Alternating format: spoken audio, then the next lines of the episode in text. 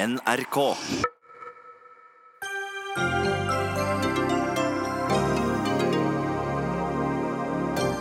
KrFs landsstyre har ikke tillit til Sylvi Listhaug. Hareide sier Erna Solberg må ta grep. Et parti på 3% på jakt etter seg selv kunne KrF ha havnet i en kinkigere posisjon. Blomsterhavet på kontoret til Listhaug utløste 14 millioner kroner til Leger uten grenser, og nå blir Plan Norge brukt av Listhaugs tilhengere. Og vi tar debatten som hele bråket egentlig bunner i, den om innvandring og islam.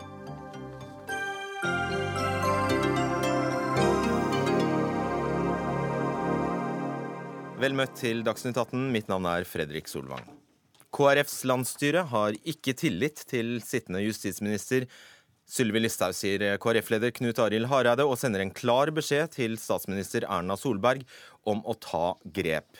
Det var altså resultatet av møtet i Kristelig Folkepartis landsstyremøte i dag. Lars Nehru Sand, politisk kommentator i NRK, hva betyr denne beskjeden fra landsstyremøtet til regjeringen og justisministeren? Det betyr jo at alt presset nå ligger på eh, Erna Solberg i noen timer. Hun blir bedt om å ta grep fra et eh, samlet landsstyre i Kristelig Folkeparti, som er enige om at partiet ikke lenger har tillit til eh, Sylvi Listhaug, men som er mer delt i spørsmålet om hvordan Kristelig Folkeparti skal holde denne kritikken helt ut dersom det spisser seg til i stortingssalen i morgen. Ja, vi skal høre hvordan partileder Hareide formulerte seg tidligere i dag. Og eh, KrFs landsstyre uttrykker at de ikke har tillit til sittende justisminister. Og de ber derfor Erna Solberg om å ta grep for å unngå at vi får en mistillitssituasjon i Stortinget i morgen. KrFs landsstyre har òg gitt stortingsgruppa mandat og tillit til å håndtere saken som vil komme i Stortinget i morgen. Jeg kommer ikke til å kommentere denne saken videre før jeg går opp på Stortingets talerstol i morgen. Vebjørn Selbekk, du er redaktør i avisen eh, Dagen. Litt av en floke. Hva skal han gjøre nå? Ja, altså egentlig så har vi jo ikke kommet så mye nærmere i løpet av dagen. Det er jo, Situasjonen er jo den samme som den var på fredag ettermiddag, egentlig. At det er Knut Arild Hareide som holder hele Norge på pinebenken. Det er fortsatt han som sitter med nøkkelen. Han har alle muligheter åpne fortsatt. Eh, og så er jo eh, spørsmålet hva han gjør eh, når og hvis Erna Solberg da i morgen stiller et kabinettspørsmål. og Det tyder vel det meste på at hun gjør. Og så er det en liten nøkkel i det han sa helt til slutt i, i sitt innlegg der, Hareide, at, at styret her har altså gitt fullmakt til stortingsgruppa. Og Det betyr jo at han har, han har alt klart for å svare enten ja eller nei på et sånt kabinettspørsmål også. På kabinettspørsmålet, ja, men det er vel ingen tvil om at eh, landsstyret ga klar beskjed om at KrF skal stemme for mistillit mot Listhaug? Ja, men eh, det er jo mulig at man ikke kommer så langt. Hvis statsministeren går opp og kobler disse to sakene og eh, stiller kabinettspørsmål på Listhaugs eh, framtid, så er vi fortsatt i denne si, kollisjonssituasjonen mellom Solberg og Hareide, og da må en av dem til slutt vike. Og mitt tips er vel man kan ikke vite sikkert, dette er veldig åpent og mer åpent nå, men jeg tror vel at Hareide til slutt da viker. Det er mest sannsynlig etter min mening. Kristin Clemet, leder i Tankesmien eh, Civita. Eh, hva tror du Solberg gjør? Jeg vet ikke. Det, som, det er to usikkerhetsmomenter her. Det ene er jo at når det gjelder Kristelig Folkeparti Det ene er at vi ikke vet hvordan Kristelig Folkeparti vil reagere dersom statsministeren fra Stortingets talerstol stiller et kabinettspørsmål. Eh, kanskje da håper jeg, velger Solberg eh, allikevel. Det andre det er at vi ikke vet riktig hva Hareide mener med velger å ta Velger Listhaug, mener du? Ja, ja, altså Han velger at Solberg blir sittende. Uh, ja, ja, ok, ja. greit. Um, det andre vi ikke vet, det er jo hva han og Kristelig Folkeparti egentlig mener med å ta grep. Er den eneste muligheten, er det eneste muligheten at det betyr at Sylvi Listhaug på en eller annen måte må gå, eller innta en annen posisjon i regjeringen? Eller betyr det at Erna Solberg kan finne på noe annet som tilfredsstiller Kristelig Folkeparti? Det er jo ikke helt tydelig ut fra talen nå i dag. Så det gjenstår som spenningspunkter. Og så har jo jeg skrevet at det er jo en annen person også som kan bidra til en løsning her, og det er Sylvi Listhaug selv. Likevel, eh, Lars Nehru Sand, du har jo uh, vært på Stortinget i dag. Er det noe som tyder på at Sylvi Listhaug uh, har den selvinnsikten, eller lyst til det? Nei, det er, det er, det jo ikke. Men hun har jo heller ikke kommentert dette på en eh, stund. Så, så Kristelig Folkeparti sitt press øker jo også på henne. For det er eh, Solberg og Listhaug, det er en av de to som kan eh, sånn sett sørge for at Listhaug på en eller annen måte bytter ansvar, bytter departement eller går av. Og så er det jo som Clemet sier, at vi vet jo ikke helt hva slags grep som er tilstrekkelig for Kristelig Folkeparti. Det vi kan lese ut av at eh, landsstyret ikke var like samlet i om eh, Kristelig Folkeparti skulle eh, stå løpet helt ut og, og la det være opp til statsministeren om det blir regjeringskrise, det er jo at det blir noe mer vanskelig for Hareide å gjøre det mest drastiske i denne situasjonen. Rett og slett fordi han ikke har en samlet mandat til akkurat det. Og det kan være slike vurderinger som da ligger bak formuleringen om at man må håndtere den situasjonen hvis den oppstår. Nå eh, ligger jo ballen da hos eh, statsministeren og justisministeren, og det gjør den, eh, skal vi forstå Hareide, frem til han går på talerstolen på Stortinget i morgen. Men det er, står vel ikke til troende, Selbekk, at de ikke har drøftet den situasjonen på landsstyremøtet til eh, KrF? Det må de jo ha gjort? Ja, helt sikkert. Men uh, nå er jo eh, KrF i begivenhetenes sentrum på en måte som man nesten aldri har uh, vært før, og den, den velger man å, å, holde, da. Men til dette med at Listhaug skulle uh, trekke seg eventuelt, det er jeg litt i tvil om at det vil skje. For det ville i hvert fall vært veldig ulisthaugsk, hvis man kan bruke et sånt ord. Hun har jo på en måte bygd hele sin popularitet på eh, nettopp å være en provoserende, frittalende, hardtslående politiker som står i stormen. Eh, og at hun skulle backe ut nå, eh, det, det, tviler jeg på. Men det er klart at presset, ja, hun, presset mot henne er stort, da, parlamentarisk altså, også. Det har du jo rett i hvis ja. vi ser bakover i tid. Men allikevel, hvis Kristelig Folkeparti etterlater en reell usikkerhet om at de faktisk vil være med å felle regjeringen, så hviler det jo for tiden et ganske stort ansvar på Sylvi Listhaug, ettersom hun vet at hun kan løse det problemet. Og det vil jo være litt merkelig å stå igjen i historiebøkene som en som felte en regjering enda hun selv var medlem av denne regjeringen. Sånn at eh, Derfor så tror jeg nok Kristelig Folkeparti har ganske stor interesse av å etterlate en, en reell usikkerhet, absolutt. og absolutt ikke gjøre rede for på forhånd hvordan de vil reagere på et eventuelt kabinettspørsmål. Hvordan er det, eh, Lars Nehru Sand, kan Frp sitte i en regjering dersom, med Høyre dersom eh, Listhaug skulle enten bli skjøvet ut eller trekke seg? Hvis, hun, altså hvis, det er en troverdig historie om at hun ikke orker eller vil mer, så er jo situasjonen litt annerledes enn om eh, det skinner gjennom at dette skjer mot både Listhaug og eh, eventuelt da også Frp sin eh, vilje. Og Det vil jo være en ny situasjon som Frp da må ta stilling til. Frp kan utmerket godt sette hardt mot hardt og, og si at enten så blir Listhaug sittende i regjering, eller så går hele Frp ut av regjering. Men det vil jo også være konflikteskalerende, for å si det sånn. Eh, ikke bare i forholdet mellom Høyre og Frp, men, men hele forholdet på eh, borgerlig side. Og Skulle det ende med at, at regjeringen Solberg går av, eller at Frp går ut, så blir det en, en veldig kaotisk situasjon på, på, borgerlig side. Både på kort og jeg vil også tro lang sikt, med all den tilliten disse partiene og de fire partilederne partilederne, ikke minst, har bygd opp gjennom år. Mm. Det er, det, er, veldig vanskelig, for ikke å si umulig, tror jeg, for statsministeren å be uh, Sylvi Listhaug bare bytte post eller gå ut av regjeringen. Det kan få uh, veldig dramatiske konsekvenser. Man kan tenke seg at Fremskrittspartiet går ut av regjering, at Fremskrittspartiet blir uh, splittet osv.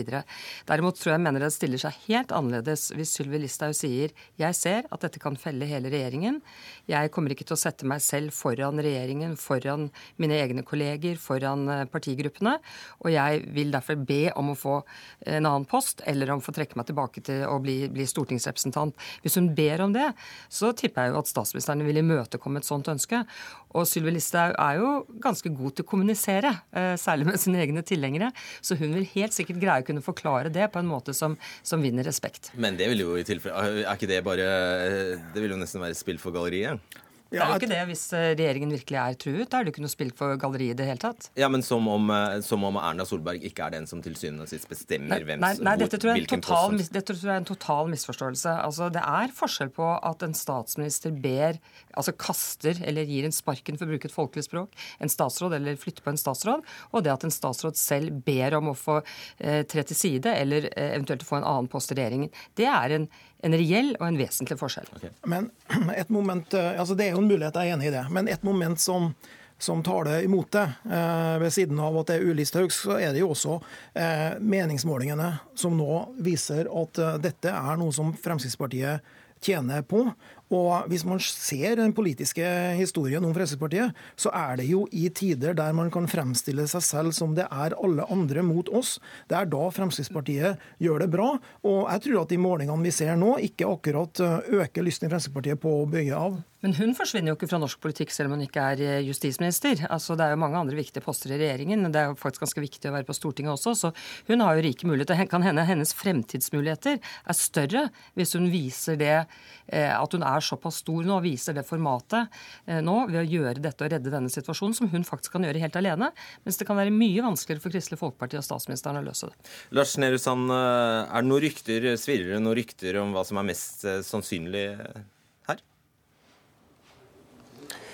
Nei, det, det, gjør det egentlig ikke. Jeg vil bare legge til til, til debatten om, om, hva Listhaug her kan eh, nær sagt bidra med. Så er det jo også mange i, langt også inn i eh, Fremskrittspartiet som eh, frykter en situasjon hvor Listhaug kommer tilbake til Stortinget som en martyr, som får en friere politisk rolle, og som bare uker før, eller måneder da, før, før Siv Jensen skal gjenvelges som partileder, kan bygge opp et, et mer fristilt skilt del av partiet fra, fra eh, Stortinget.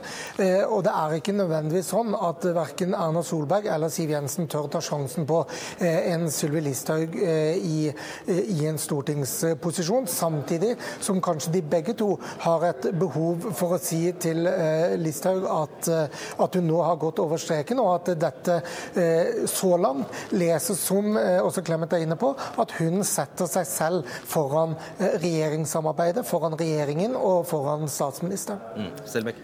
Altså, statsministeren har jo sagt at Sylvi Listhaug eh, har hennes uh, tillit. Så, så uh, den, den, saken er jo klar, har vært det hele, hele veien. Så tror jeg kanskje at det, det svakeste punktet her uh, er KrFs lyst til å felle regjeringen Solberg. Mitt tips er at det er der det kommer til å strande i morgen. Eh, at Nå har man markert eh, sin motstand mot Listhaug. Man har markert at dette her har gått over alle støvleskap. Det er eh, uakseptabelt. Men å felle en populær regjering, for det er den, også i KrF-kretser, å felle en populær statsminister, som var KrFs førstevalg som statsminister ved valget i høst, det tror jeg sitter for langt inne til at KrF gjør det. Det er der jeg tror han kommer til å bøye av i morgen. Og derfor er det jo veldig interessant nå å se hva det betyr dette å ta grep. Han har forlangt at eh, statsministeren skal ta noen grep, og så kan man tenke seg at det kanskje er en dialog nå mellom KrF og, og statsministeren. Hva det kan være utenom det at Sylvi Listhaug fratrer justisministerposten. Det kan jo være at det er andre ting som kan tilfredsstille KrF, slik at de ikke vil stemme for mistillit hvis hun stiller et kabinettspørsmål. Har du bedre fantasi enn oss andre? Nei, altså Vi hørte jo i talen hans i dag at han var veldig opptatt av å endre debattklimaet. At vi må få slutt på dette med hatretorikk, eller å, altså at man på en, ulike måter oppmuntrer til høyreekstremisme osv. Kan det være noe man kan gjøre eh, for å bidra til et mindre eh, polariserende og mer forsonende debattklima? Det var det noe av det han la veldig vekt på i talen sin. Mm. Ja, Hvis det er bare det som skal til, så, så er jo saken grei. For både statsministeren, og Jan Tore Sanner og Sylvi Listhaug sjøl har jo gitt en uforbeholden unnskyldning, og kan jo sikkert komme med mer av det samme hvis det er det som trengs. Ja, og Du nevner jo, eh, Lars Nehru Sand, at dette er kinkig både på kort og på lang sikt. På lang sikt, hvis man ser for seg at Sylvi Listhaug f.eks. Uh, på altså bytte post, men også gå med på å dempe retori retorikken. Man kan vel, Det er vel ikke urimelig å spå at det, det er bare et tidsspørsmål før det kommer et eller annet kontroversielt fra den kanten? Ja, samtidig så er det jo utvilsomt sånn at hun har en, en eh, hva skal vi si, mer egnet plattform for å skape stor splittelse, eh, så lenge hun har innvandringsansvaret. Og En eh, mulighet som jo ikke har vært snakket så mye om, er jo at hun eh, rett og slett fratas det ansvaret. Da vil eh, Solberg ikke gjøre noe som, som Vedum og, og, Støre og de andre har bedt henne om å gjøre i media. Hun vil vise Listhaug at dette får en konkret konsekvens. Eh, og, eh, men Listhaug fortsetter i regjeringen, og hun fortsetter som justisminister. Og det, det er selvfølgelig en mulighet. For så lenge hun har ansvaret for innvandringspolitikk, så er jo det blant de temaene i samfunnsdebatten som, som, vi har, som, som historien har vist, at, at, det lett blir splittende debatter. Nær sagt både med og uten Listhaug. Men, men, men til spørsmålet om Det er bare et tidsspørsmål, som du sier, altså før hun kommer med noe nytt oppsiktsvekkende som polariserer debatten, så må vi også si her da at det er ikke bare hun som bidrar. Altså Det er ikke alt hun har fått kritikk for eh, opp gjennom årene som egentlig er kritikkverdig. Så det er også andre som bidrar til denne polariseringen. Det skal vi komme nærmere inn på i løpet av sendingen, lover jeg dere. Tusen takk skal dere ha, alle sammen. Kristin Clemet Larsen Erusand og Vebjørn Selbekk.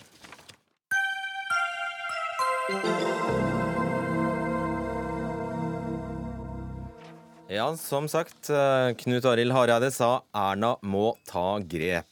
Det sa han altså etter eh, dagens møte i eget landsstyre.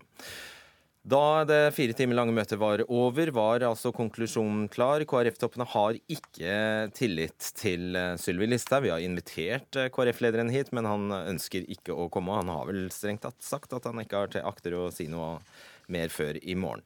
En som er her, er deg, Simen Bondevik, leder i eh, Akershus KrFU. I en ja. Eh, ytring på nrk.no skriver du sitat KrF må vise tydelighet.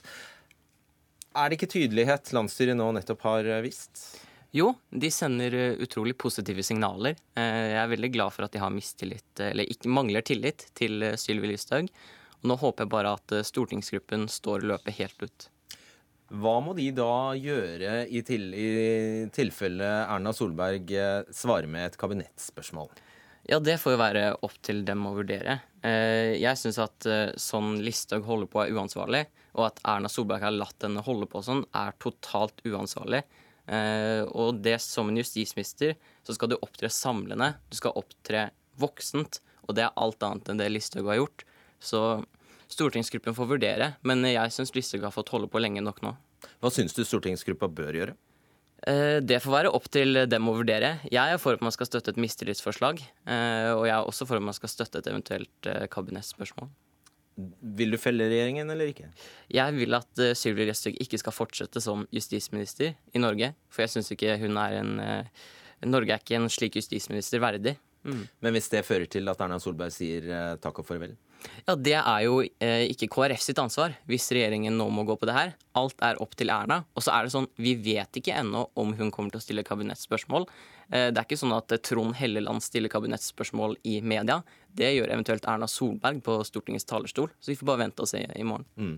Geir Toskedal, du er tidligere stortingsrepresentant for Kristelig Folkeparti. Og Du mente i utgangspunktet at eh, partikollegene dine også i landsstyret da burde avvist dette mistillitsforslaget fra Rødt. Hvorfor det?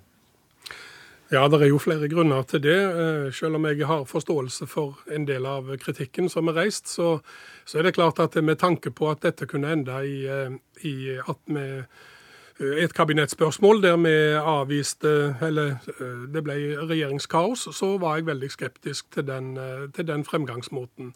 Jeg er nok en av de som mener at vi skal stå fast ved den regjeringen som er nå, og forhandle ut ifra det. Men så skjønner jeg godt kritikken mot Listhaug. Jeg har samarbeidet med Sylvi Listhaug i fire år. og kjenner veldig godt forskjell på både politikk og retorikk, og det har vi snakket åpent om. Så jeg mener at her er absolutt grunnlag for uh, mistillit. Uh, som jeg forstår at uh, Hareiden er veldig tydelig på i dag. Så han, på en måte, Knut Arild, partileder, setter i dag den parlamentariske situasjonen i et klart lys når han legger ansvaret på Listhaug Eh, og jeg holdt på å si Siv Jensen og statsminister Erna Solberg. Det er de som sitter med kabalen her, og jeg er litt uenig med, med redaktøren i Dagen som sier at det er Hareiden som sitter med nøkkelen. Nei, det er dagens regjering og ledelsen i de to store partiene. Simen Bondevik, i teksten eh, du og eh, tre andre KrFU-ledere har skrevet på nrk.no, så mm. nevner dere flere eksempler som da skal illustrere det trøblete forholdet mellom eh, Listhaug og eh, KrF. Kan ikke du gjenta noen av dem? Jo, eh, det er utrolig mye hun har sagt som er provoserende og uprofesjonelt. Bl.a. at Hareide sleiker imamer opp etter ryggen. Godhetstyranniet rir Norge som en mare. Jesus ville hjulpet flyktningene i nærområdet. Alle flyktninger kan ikke bli båret på gullstol inn i Norge, og flyktninger må yte, ikke bare nyte. Eh, og at Norge har en sånn justisminister som holder på sånn gang på gang på gang, det er helt uansvarlig.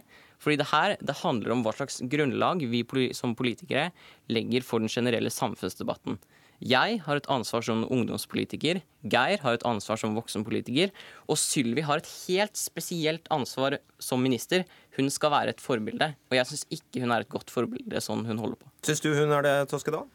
Nei, de eksemplene han nevner der, er jo eh, gode eksempler på slike ting som en eh, justisminister ikke skal si. Så må jeg samtidig minne om at Listhaug er ikke satt til å føre Frp-politikk. Hun har ført Stortingets politikk, eh, og det har vi alle vært med på å utforme den politikken. slik at når hun prøver å fremstille det som FrPs politikk, så stemmer ikke det. Listhaug hun styrer etter Stortingets politikk, og det skal hun gjøre. Men retorikken har gått langt ut forbi, og det har vært dobbeltkommunikasjon fra henne og partiet, som helt sikkert er en del av grunnlaget til det styret i KrF i dag, eh, som er årsaken til at styret er så tydelig på det. Så eh, På den bakgrunn og den siste utviklingen så, så er det klart at eh, mistilliten som er reist i dag, den er, er veldig reell. Det er ikke noe spill. Det er ikke noe det er bare å plante ansvaret der det ligger, at dette må landets statsminister rydde opp i.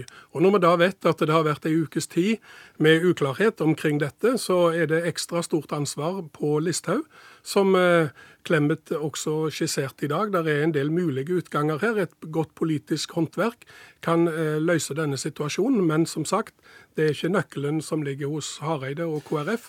Vi har vært konsistente lenge, både i kritikk og i retorikk og i kontakt med regjeringen. Så her må eh, Erna statsminister eh, rydde opp. Simen Bondevik, av de alternativene som tidligere er blitt skissert, hvilket er, mest, er den mest lykkelige utgangen? Det beste hadde jo vært om vi fikk en stabil situasjon for landet, tenker jeg. Eh, så det at Sylvi Listhaug går av selv, hadde vært det mest ideelle. Nå tviler jeg på at det skjer, så da må KrF ta ansvar og ikke bare prate, men handle. Ja. Uh, altså, du så jo det blomsterhavet som oppsto mm. på Sylvi Listhaugs kontor, og det er jo selvfølgelig uttrykket for noe. Uh, mange av disse vil vel helt sikkert også kunne kalle seg uh, kristne. Hvordan skal man ivareta dem?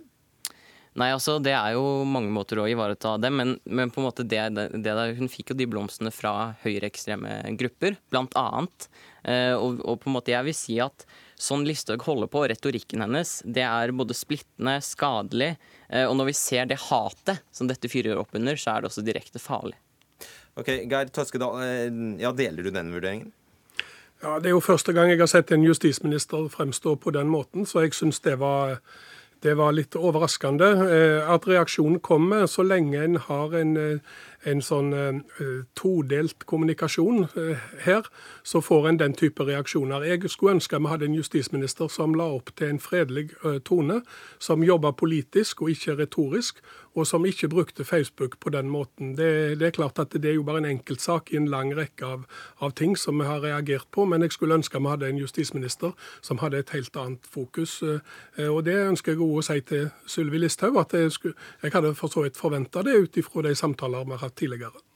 Du, eh, Simen Bondevik, både, Nå har jo eh, både Arbeiderpartiet og Senterpartiet sagt at de kan leve med Sylvi Listhaug i regjering, bare hun eh, flyttes til en annen eh, statsrådspost. Hva mm. tenker du om det? Ja, altså, jeg synes En justisminister skal være spesielt samlende og spesielt ansvarlig, og det har hun ikke vært. Eh, så det hadde vært bedre at hun ble flytta til et mindre departement enn at hun fortsatte som justisminister. Hva da, altså, for eksempel? Eh, det kunne vært mye forskjellig, men jeg syns at hun, er, hun opptrer på en sånn ufin måte, og hun gjør det gang på gang på gang. Så det mest ideelle hadde vært at hun slutta som minister. Du så jo også når hun var landbruksminister, så klarte hun jo å lage mye bråk der og komme med påstander som splitta. Mm. Til slutt, eh, Geir Toskedal. Nå har jo Stortinget egentlig brukt det sterkeste virkemidlet det har, bortsett fra uh, mistillit, nemlig det såkalte daddelforslag, som altså innebærer sterk ja. uh, kritikk. Og hvis, uh, ja. hvis, KrF ikke har til hensikt å velte regjeringen, så burde man vel egentlig stanset her? Ja, jeg, jeg, snakker jo ikke på vegne av KrF. Jeg snakker på vegne av meg sjøl i dag som KrF-velger. Og jeg eh, håper at vi ikke får regjeringskrise. Jeg eh, støtter eh, regjeringen som vi har hatt et godt samarbeid med gjennom fem år. Men jeg ser ut ifra den realitetene som foreligger nå etter KrFs samla vedtak i dag, at statsminister og Listhaug og Siv Jensen, altså partiledelsen i de store, eh, store, partiene, de har en utfordring, og et godt politisk håndverk kan løse det. Og det håper jeg at eh, de får til nå i de nærmeste timene. Ja, men altså, jeg kjøper ikke helt de premissene du legger her, fordi vi vet ikke 100 sikkert at Solberg kommer til å stille et kabinettspørsmål. Eh, så det, det, vi, kan, vi, kan ta, vi kan ikke ta utgangspunkt i det. Det håndterer stortingsgruppen. Det er deres eh, mandat og deres plikt. Alright. Vi får bare vente og se, som dere sier. Takk skal dere ha, Simen Bondevik og eh, Geir Toskedal. Dagsnytt 18 alle hverdager kl 18.00 på NRK P2 og NRK2. Det startet altså med et blomsterhav til støtte for justisminister Sylvi Listhaug etter eh, kritikken hun fikk i Stortinget. Som et motsvar til dette startet den andre siden eh, debatt, av debatten en innsamlingsaksjon til Leger uten grenser. Og i går ble en ny innsamlingsaksjon startet til Plan Norge for å vise støtte til Listhaug. Men organisasjonene som mottar pengene, er jo politisk nøytrale. Er det virkelig greit at de blir dratt inn i et politisk spill? Camilla Ahamat, initiativtaker til innsamlingsaksjonen til Leger uten grenser. Nå tror jeg at uh, den aksjonen faktisk har kommet opp i 13, ja, nesten 14 millioner uh, kroner. Kan det stemme? Det er over 14 millioner nå. 14, mm. ja, det er jo uh, Du har jo tidligere uttalt at du er helt, helt forbløffet over summene her. Du, hvordan startet dette her? Det startet med at jeg eh, leste en sak om at Listhaug var så fornøyd med at hun hadde fått eh, alle disse blomstene. Og hun har visst hele tiden at det er ikke alle de blomstene der hun skulle vært like stolt av. Hva med det mener du? Eh, det, mange av de blomstene der har kommet fra mørkeblå og brune grupper rett og slett høyreekstreme. Og de har samlet inn og sendt blomster til Listhaug, og det tar jeg avstand fra. Hvordan kom du på ideen å starte innsamlingsaksjon for Leger uten grenser? da? Leger uten grenser eh, ble det fordi at de er upolitiske. Eh, og da er det mye lettere å samle fine folk på kryss og tvers av eh, partier til å bidra mot et varmere samfunn. Ja, Så nå har jo du greid å gjøre den politiske, da. Ja. Gratulerer med det. Du gjorde en upolitisk eh, organisasjon politisk. Ja. Eh, men det går til en god sak. Eh, men det er også derfor vi velger å avslutte denne aksjonen nå. Fordi at vi vet at eh, Leger uten grenser er upolitisk. Du tror ikke skaden har skjedd, da? Ja, det kan du si. Men eh, vi velger i hvert fall å avslutte nå. eh, Og så har vi eh, Vi lar den være åpen til i morgen klokken ti, og så lar vi Stortinget få lov til å avgjøre hva de syns om justisministeren sine utspill. Trond Arild Engen, du er initiativtaker til innsamlingsaksjonen til Plan Norge. Og det er litt mindre summer vi snakker om her. Nå ble den jo startet først i går, da. Men hvor mye penger har dere fått inn? Nei, vi har fått inn Sist i sjekk så var det rundt 13 000. 13 000, ja. Og dette er altså en motaksjon til støtte for Sylvi Listhaug. Ja, det stemmer. Hva er poenget ditt? Nei, Poenget mitt var jo at jeg ville vise at uh, vi som støtter Listhaug, vi er ikke bare rasister og nazister. Jeg ville vise at vi faktisk var bra folk, uh, vi som støtter Fremskrittspartiet og Listhaug. For uh, vi følte liksom at vi ble stemplet litt pga. det blomsterhavet og sånn. At vi ble liksom litt stemplet som rasister, hele gjengen, liksom. Man kan vel være rasist og støtte Plan Norge for det? Eller er ikke det mulig? Jo, men altså, det ville jo vært litt Hvis du er mot innvandring og generelt utenlandske, så vil du vel ikke støtte en Men Plan Norge sender jo penger ut av landet. Ja. Ja. Nok om det. Det er et sidespor. Du, eh, hva syns du om responsen?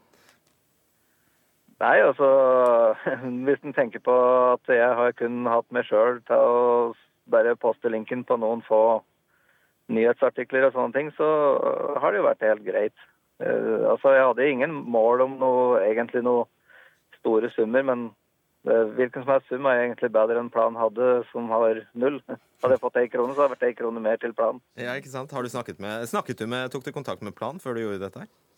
Nei, jeg gjorde ikke det. Jeg valgte Plan ut ifra de som var tilgjengelige på Facebook, og jeg syns Plan egentlig var en organisasjon som har gjort mye bra. Vet du om de setter pris på aksjonen din? Det vet jeg ikke, men eh, det blir jo en støtte. Jeg vil jo tro at de vil ha penger til å utføre jobb. Vi får, vi får anta det, at de, at de, setter pris på penger. Øyunn eh, Holen, du er lege og feltarbeider i Leger uten grenser. Nå har dere altså blitt venstresidas eh, kjæledegger. Føles det godt? Det har vi ikke blitt. Det har dere jo blitt. Det har vi ikke blitt. Vi vil ikke trekkes inn i noe partipolitisk dragkamp eh, i Norge. Vi er veldig glad for den støtten vi har fått, og alle pengene vi har fått. Vi er helt overvelda over responsen. Og jeg tolker heller responsen på at folk ønsker å støtte oss og vårt arbeid, eh, vårt livreddende arbeid og våre humanitære prinsipper som upartisk, nøytral og uavhengig organisasjon.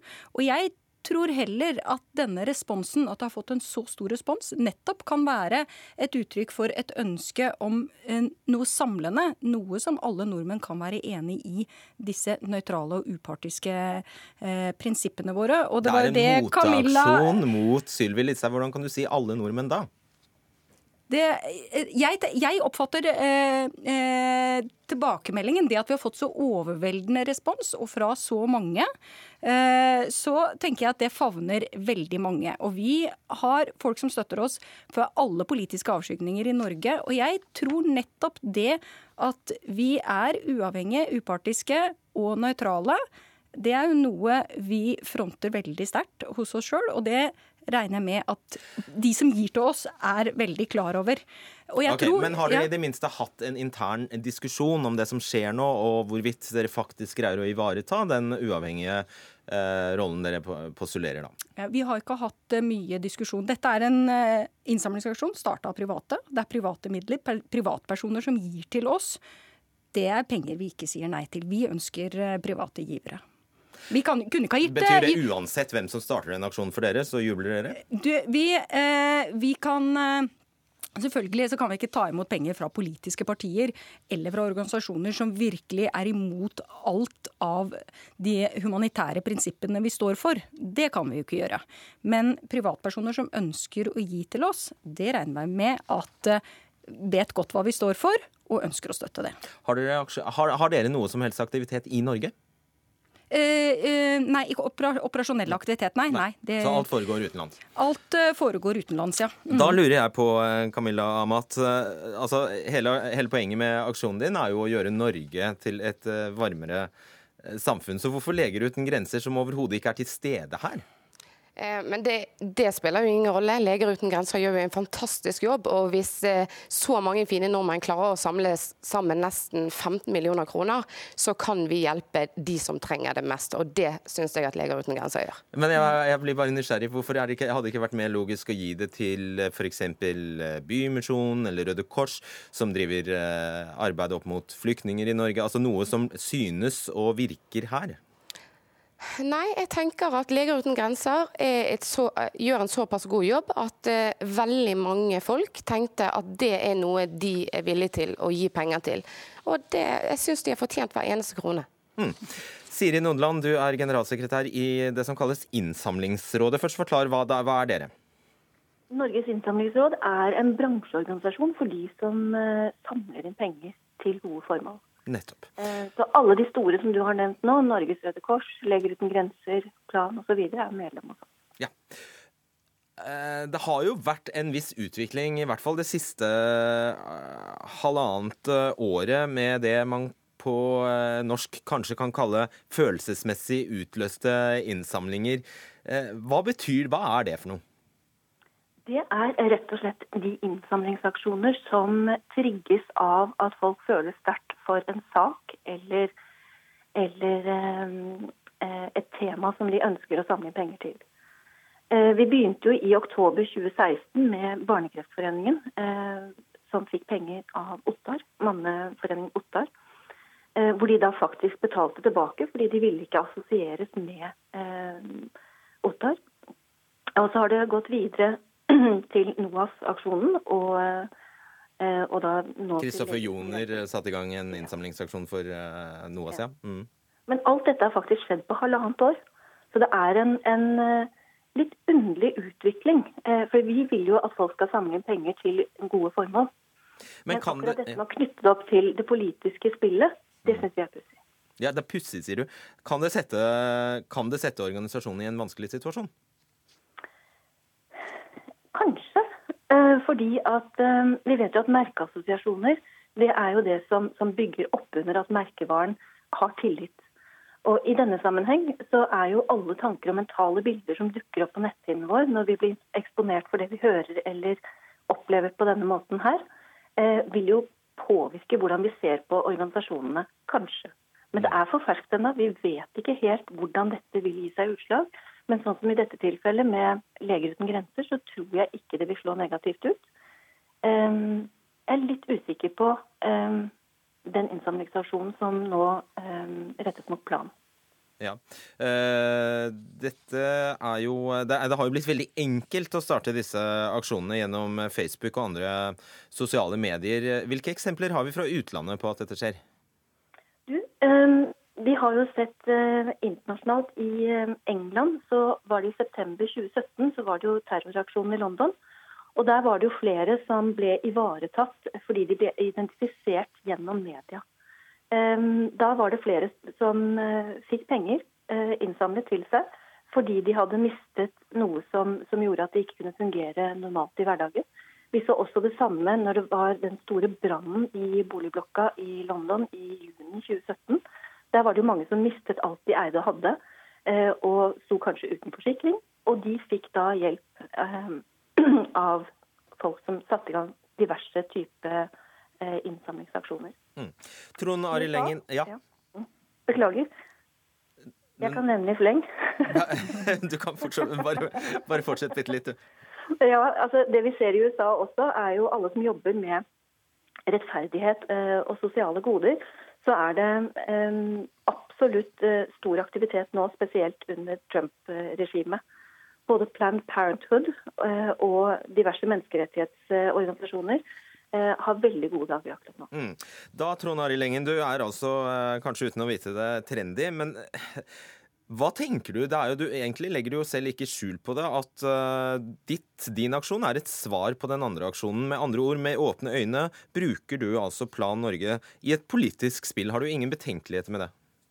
Uh, nei, egentlig ikke. Hvis, uh, hvis jeg kan få fram et politisk poeng, og det i tillegg får noe godt ut til det, så syns jeg det er helt greit. Ja, men Hvis du dermed gjør Plan Norge til en politisk aktør? Ja, nei, altså det har aldri vært uh, intensjon. Plan Norge er jo sin egen uh, organisasjon. Jeg er jo en privatperson med mine meninger. Mm. Jeg tolker deg dit en uh, Amat, i og med at du nå akter å stanse aksjonen, at du ser denne problemstillingen? Det gjør jeg. Og vi vil på en måte ikke Altså, Vi vil prøve å verne så godt som mulig om Leger uten grenser, da, sånn at de kan fortsette å være upolitisk og ta de beste avgjørelsene for folk som trenger det. Ja. Uh, hva uh, Dere har selvfølgelig aldri opplevd noe lignende i uh, Norge. Har dere opplevd noe lignende? Dere er jo en internasjonal organisasjon. Ikke det jeg vet om, men jeg vet ikke. Men, men, jeg tenker at hvis jeg tenker litt at det at så mange har slutta opp, opp, om dette, at dette kan virke som en sånn motkraft mot polarisering, så tenker jeg at det er også et viktig bidrag hvis vi kan, kan virke sånn. Da skal vi bare på tampen her ta med oss eh, Bjørn Halvorsen. Du er eh, tillitsvalgt i eh, NTL og jobber, altså representerer de ansatte i Justisdepartementet. Du er ikke med, skjønner jeg? Nei, det var synd. Fordi nå skulle han fortelle oss at det var mange ansatte i Justisdepartementet som nekter å ta med seg blomstene hjem. De blomstene som uh, Sylvi Listhaus som hoper seg opp, har hopet seg opp på Sylvi Listhaus eh, kontor og etter hvert begynner å råtne. Uh, mange, mange, av de ansatte i departementet vil ikke ta dem med hjem. OK, vi setter strek der. Takk skal dere ha, Camilla Amat, Trond Arild Engen, Øyunn Holen og Siri Nodland.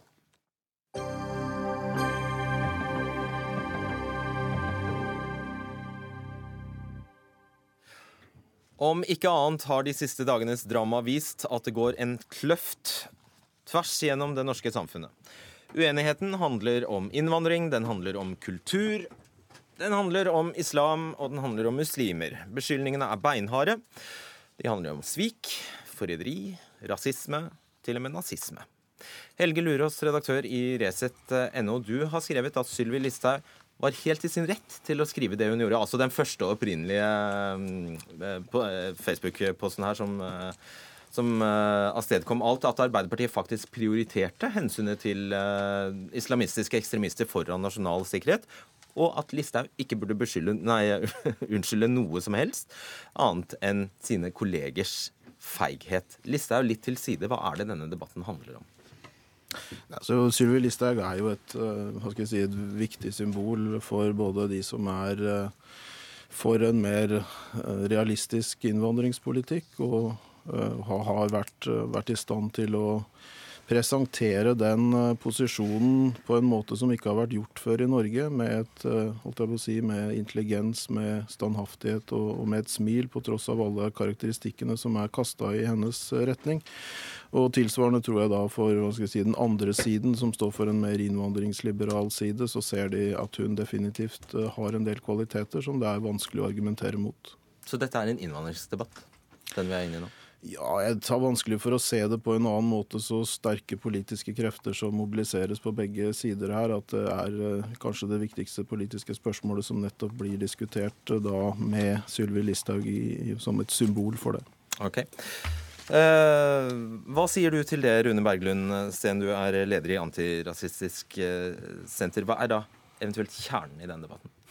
Jeg ser det fra et litt annet perspektiv. Altså Etter 22.07 så har Arbeiderpartiet, fløyen rundt Arbeiderpartiet, større fløyen som også inkluderer f.eks. meg, vært ganske tilbakeholdne med å snakke om 22.07. Vært tilbakeholdne med å bruke det. Eh, vi tør knapt nevne det et par ganger i året av frykt for å liksom tråkke noen på tærne. Jeg husker I starten så hadde jeg nesten litt sympati med Rustad for at Breivik ble kobla opp mot dette. her. Vi har egentlig vært ganske tilbakeholdne. Samtidig så opplever jeg vel at den andre fløyen har vært alt annet enn. Jeg opplevde at vi hadde en ganske kraftig radikalisering av de som ikke bare er innvandringskritiske, men ganske innvandringsfiendtlige. Eh, som representert ved, ved, de to herrer her. Og, og, en del av den retorikken, en del av det svikretorikken retta ikke minst mot Arbeiderpartiet, eh, har jeg også sevet inn i mainstream-debatten, bl.a. Via, via deler av Listhaugs retorikk. Og den anklagen hun kommer mot, mot Arbeiderpartiet her, eh, fra en justisminister. Altså Justisminister i Norge det har normalt vært en ganske nøktern post, forbeholdt fagjurister. Her har vi altså sett at Syv år etter 22. Juli, så har man hatt en justisminister som ikke på en måte har hatt hjertet sitt i å bekjempe hatet, men heller har, har fremmet noen av elementene i dette hatet mot Arbeiderpartiet. Og hvorfor, måtte, hvorfor, hvorfor blusser da denne? Hvorfor tar det fyr? På grunn jeg tror, av en Facebook-post? på et eller annet vis så tror jeg vi har vært i en usunn tilstand. Vi har vært i en usunn tilstand hvor, hvor for mange har lagt lokk på seg selv for lenge. Uh, i, i, forhold til den frustrasjonen og det sinnet som, som mye av den høyrepopulistiske høyreradikale retorikken egentlig har utløst. Og jeg tror det har vært usunt. Jeg tror Det er, godt, det, er oppriktig godt å se at en, ikke minst en del i Arbeiderpartiet nå tar, tar blad fra munnen og, og, og, snakker åpent om hvordan de oppfatter en del av dette her. Jeg, jeg tror vi kommer over i en, en sunnere situasjon her uh, i offentlig debatt. Det er iallfall ikke sunt at så mye knytta til 22. juli har vært såpass tabubelagt som det har vært. Du nevnte Rustad. Det er Hans Rustad, som sitter her, redaktør i dokument.no. Det blomsterhavet som oppsto på Sylvi Listhaugs eh, kontor. Eh, mange avsendere der. Men hvem, hvem, var de blomstene fra? Jeg vil, tro, jeg vil tro de var fra vanlig kvinne og mann. Som eh, Altså, Sylvi Listhaug er blitt et symbol. Hun er blitt en heltinne for mange. Og da det motsatte for venstresiden. Hva står hun da for? Hvorfor er hun, hun er? Hun står for for oss som ikke er fra Frogner og Oslo 3, så står hun for noe som er helt rotnorsk, ekte, naturlig. Eh, hun snakker et språk vi forstår. Hun er en person som eh, Selv om jeg ikke vært, eh, kjenner henne personlig, så ville jeg ikke hatt noe Hun er den du møter på kollektiv, på butikken. Samme med Erna. Når vi har sett bilder hjemme fra hennes hjem, så vet jeg akkurat hvordan det er der. Eh, jeg kan ikke si det samme med leder for Arbeiderpartiet, fordi der slipper man ikke inn. Der slapp TV ikke inn. Altså hun er Og dette er veldig viktig. Og jeg ser når hun gjøres til et hatobjekt, så antagoniserer man store deler av den norske befolkning. Ja, Men du er ikke i tvil om at uh, temaet er innvandring? Nei, det blir for enkelt. Det er for enkelt? Det er for enkelt. Hva handler det da om? Eh, på slutten av Gahr Støres bok så skriver han at mange i Arbeiderpartiet følte det bittert at det partiet som var gjerningsmannens foretrukne parti, kom inn i regjering i 2013, altså to år etter massakren. Det kan man jo emosjonelt forstå, men denne, dette emosjonelle undertrykket traff kolliderte med en høyrebølge som er på vei, som allerede da var på vei i Vesten i vestlige demokratier. Og dette kolliderer. Og Sylvi Listhaug representerer da en helt normal historisk korreksjon. Det er ikke noe ekstremt med, med Sylvi Listhaug. Hun er et eh, liberalt, konservativt menneske, men hun er en katalysator for en historisk kollisjon. Ok. Eivind Tredal, bystyrerepresentant eh, i Oslo for eh, Miljøpartiet De Grønne. Hva representerer Sylvi Listhaug ifølge deg? Altså, hun representerer vår regjering, først og fremst. Og utfordringa som har vært skapt nå den siste uka, er jo at hun i kraft av å representere vår regjering har kanalisert noe av det eh, budskapet som har egentlig kommet eh, helt både før og etter 22.07. fra ytterste høyre. En slags dolkestøtmyte om at Arbeiderpartiet Eh, begår en sånn, eller et planmessig program for å islamisere Norge, for å undergrave norsk kultur. og Det kommer i veldig mange forskjellige former, mer og mindre subtilt. Men det var jo grunnlaget for Breiviks vold, og det er nok grunnen til at dette skapte så mye uro. Og så vil jeg jo si at Noe som har skapt denne situasjonen også, er jo nettopp det NRK gjør i kveld, f.eks. Man vet at både Helge Lurås og Hans Rustad velter seg i eh, ekstrem retorikk, eh, fyrer opp basen, skaper rasistiske kampanjer mot minoriteter og, og, og debattanter. Og så renvasker dere dem og tar dem med inn i studio her og later som om dette er helt normale deltakere i samfunnsdebatten som snakker pent og har på seg dress, og på ingen måte representerer et ytterpunkt i norsk offentlighet. Så den legitimeringa og renvaskinga av både dokument og Resett som, som, denne kvelden på en måte utgjør, vil jeg jo også si at det viser litt av NRKs naivitet. Men også det store norske jo, men ikke Hvorfor stiller du i den debatten, da? Hvis det er helt forkastelig, det vi gjør? Jeg fikk ikke vite at Helge Lyra skulle komme før ti minutter før debatten. Premisser? På en måte, men allikevel syns jeg det er interessant ja, når vi først er her. Du kan få gå. Nei da, nå velger jeg å bruke ordet mitt. Når vi først er her, så syns jeg det er interessant å se på den normaliseringa av ekstremhøyre som både NRK bidrar til, men også selvfølgelig som Frp har bidratt til i regjering er nok det som har skapt den utrolig betente debatten nå, som kan virke litt overflødig. Altså Det er liksom ja, nei, et Facebook-innlegg, men allikevel så er det altså en understrøm her, som er at disse menneskene her har bidratt til et ekstremt aggressivt og ekstremt utbredt eh, ekkelt debattklima, der konspirasjonsteorier mot Arbeiderpartiet dominerer veldig mye av debatten på ytre høyre. Jeg syns for så vidt dere har satt sammen et, et godt panel. fordi at med den jeg si, retorikken som kommer fra, fra andre siden her, så er jo hva skal jeg si, nettopp det en, en årsak til at så mange også ser Sylvi Listhaug som en viktig person. For det er altså snakk om rasister, høyreekstreme, man burde ikke vært en del av debatten. og Det er jo den samme tingen som, som Sylvi Listhaug har vært utsatt for, men hun har altså klart å respondere på det med å beholde verdigheten, ikke bli sint, eh, faktisk fatte seg logisk, rasjonelt og forsøke å ha en ha en skikkelig debatt, selv om man får den jeg vil kalle det hetsen tilbake fra den siden. Og det har vært noe nytt, fordi de aller fleste ville reagert med hva skal jeg si, sinne og ergrelse over den type retorikk. Dette er løgn, Helge Lurås. Du har nei, kjørt kampanje mot nei, flere minoriteter er, på er, din side. Du sitter her og lyver skamløst. Ja, du, og det bør du faktisk utfordres på. Inntil for en uke siden hadde NRK avsløringer om Sumaya Girdali, Lie, som ble kjørt av Hvorfor utfordrer han ikke på dette nå? Hvorfor lar han sitte og fortelle at han ikke har vært en del av kampanjer mot norske minoriteter. Du kjører her som en ulv i forklær, og det vet Stopp, stopp. Ingen hører noe, noe som helst. Ta én av gangen. Hva var din innsigelse nå? så får du svare på det. Det er blank løgn at Resett ikke har drevet kampanje mot norske minoriteter, ikke har spredd falsk propaganda, ikke har drevet med høyreekstrem retorikk. Og det at han ikke engang utfordres på dette av deg, Fredrik Solvang, er en del av problemet. Ja, men du kan... Ok, Svar på det, eller dette er jo nettopp poenget. Den type stempling og retorikk som kommer fra personer som Eivind Trædal har vært vanlig i norsk offentlighet.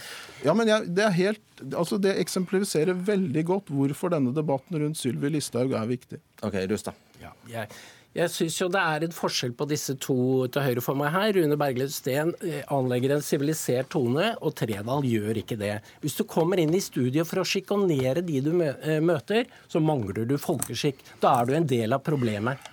Ja, Legg det til side. Legg ja, men det, det har å, Nei, fordi det har å gjøre med tonen og kjernen i denne debatten. Og det er skal du ha folkeskikk, eller har du det ikke? Og når, når, de politikerne i Stortinget står og snakker og tillegger uh, Sylvi Listhaug intensjoner, de mener å vite hva som er hennes intensjoner, så er det akkurat det som Tredal gjør nå. Altså, du får svare kort på det. Tredje, også ja, altså, begge disse menneskene her driver med gjørmebryting på internett hver dag, og så kommer de inn her og later som de er sjakkspillere. Og Problemet i den offentlige debatten, som har vært et problem veldig lenge, er at vi alle går med på det spillet og at vi alle prøver å spille sjakk med ytre høyre, som konsekvent driver med gjørmebryting. Men hva burde vi gjort da, Tredan? Det vi burde bl.a. gjøre, er å kalle en spade for en spade. Helge Lurås er en sjarlatan som lenge ble invitert på Dagsnytt 18 som ekspert på alt mulig da han drev sitt lite enkeltmannsforetak, Senter for strategisk analyse. Ja. Nå driver han en rasistblogg. Hans Rustad driver et av de mest ytterliggående høyrevridde nettstedene i Norge. Kall en spade for en spade. Ikke inviter dem inn her som om de er helt nøytrale debattanter om en kulturdebatt hvor de utgjør et radikalt radikalt ytterpunkt. Ikke en normal del av den offentlige debatten. Rune Berglundsen. Rune Berglundsen. Du skal få svare. Rune Berglundsen. Jeg beklager hvis jeg fremstår som mer sivilisert, for det er, ikke, det er ikke min hensikt. Altså, Det er snakk om to nettsteder som dere representerer. Det er to nettsteder, er to nettsteder her som dere representerer. Den ene har, har begynte med å ta til orde begynte med å ta til orde for hat mot innvandrere som kom med sin parasittiske oppførsel. Det var slik du begynte, Lurås. oss. Rustad, du hadde problemer Du hadde problemer med å ta avstand fra et innlegg som snakket om vold mot familiemedlemmer og politikere. Vent, vent, nei. Kan vi prøve å holde oss til, den, uh, til uh, saken? Kan vi prøve å holde oss til det vi forsøkte å invitere til, nemlig hva er det, denne, hva er det som ligger bak ligger bak, Hvilken debatt er det som ligger til grunn, grunn, grunn for den, det, den, det som ligger til grunn, er at venstresiden taper, og de benytter det moralske kortet for å vinne. Det er, det. det er ikke et moralsk kort at man forventer at just landets justisminister faktisk er opptatt av å beskytte det partiet som ble angrepet for, for, syv år siden, som har sitt hjerte i den saken, heller enn å bidra til å fremme hat mot det partiet. Det er ikke på noen måte, måte urimelig. Eh, dette har vært syv veldig spesielle år. Og jeg er glad for at vi nå kanskje begynner å skrive liksom norgeshistorien i våre dager litt annerledes. Jeg er glad for at mange begynner å si litt tydeligere ifra at det har gått et godt hakk for langt. Og det begynte egentlig, tror jeg, for syv år siden, da, da statsminister Erna Solberg overrasket iallfall meg med å la Fremskrittspartiet få kontroll over hele innvandrings-, asyl-, rasismefeltet osv. Etter det har, det gradvis, har grensene gradvis blitt skjøvet lenger og lenger av de herrer som sitter her, men også av det som etter hvert har blitt vår justisminister. Men derfor så kommer Sylvi til å bli sittende fordi Erna og Sylvi har en forståelse av at tyngdepunktet forskyver seg til høyre, og det er innenfor et normalt, anstendig sentrum til høyre. Og det er disse gutta her som beveger seg lenger og lenger ut. Hans Rustad, du skriver slike ting som vi befinner oss i en slags borgerkrigslignende tilstand. Hvorfor gjør du det? Fordi vi gjør det. Det er så sterke motsetninger. De, altså hør her, de som nå har funnet på ordet splitter, at Sylvi er splitter, og plutselig snakker alle om at, hun, at folk er splittere. Altså Dette er retorikk som minner om det gamle Sovjetunionen. Nå for der snakker man sånn. Nå glir heldigvis sauefellen av denne ulven her. Denne fyren her driver en enveis borgerkrig i sitt eget hode. Akkurat som Anders Behring Breivik. Han tror at Norge er i en borgerkrig fordi han ikke klarer å akseptere politisk uenighet. Fordi han tillegger andre mennesker onde motiver. Fordi han sprer en konspirasjonsteori som har som sitt grunnidé at andre partier, som Arbeiderpartiet og for øvrig mitt eget parti, ikke ønsker det beste for landet, men ønsker å islamisere, ønsker å undergrave. Dette har Hans Rustad gnagd på i flere tiår. Og det at han sitter her og later som han er noe annet enn en kulturkriger som driver med borgerkrigsretorikk det... Er? Blant annet pga. Anders Behring Breivik, som var en fast leser av din blogg. Jeg, jeg, jeg, jeg, tror det er mange i det her landet som ønsker en debatt om sak. Og jeg, Det er helt riktig at mye av dette dreier seg om hvordan man skal forholde seg til masseinnvandringen og kursjusteringen i forhold til det, som en stor del av, eller vil si egentlig hele det politiske spekteret har gått i en mer realistisk retning.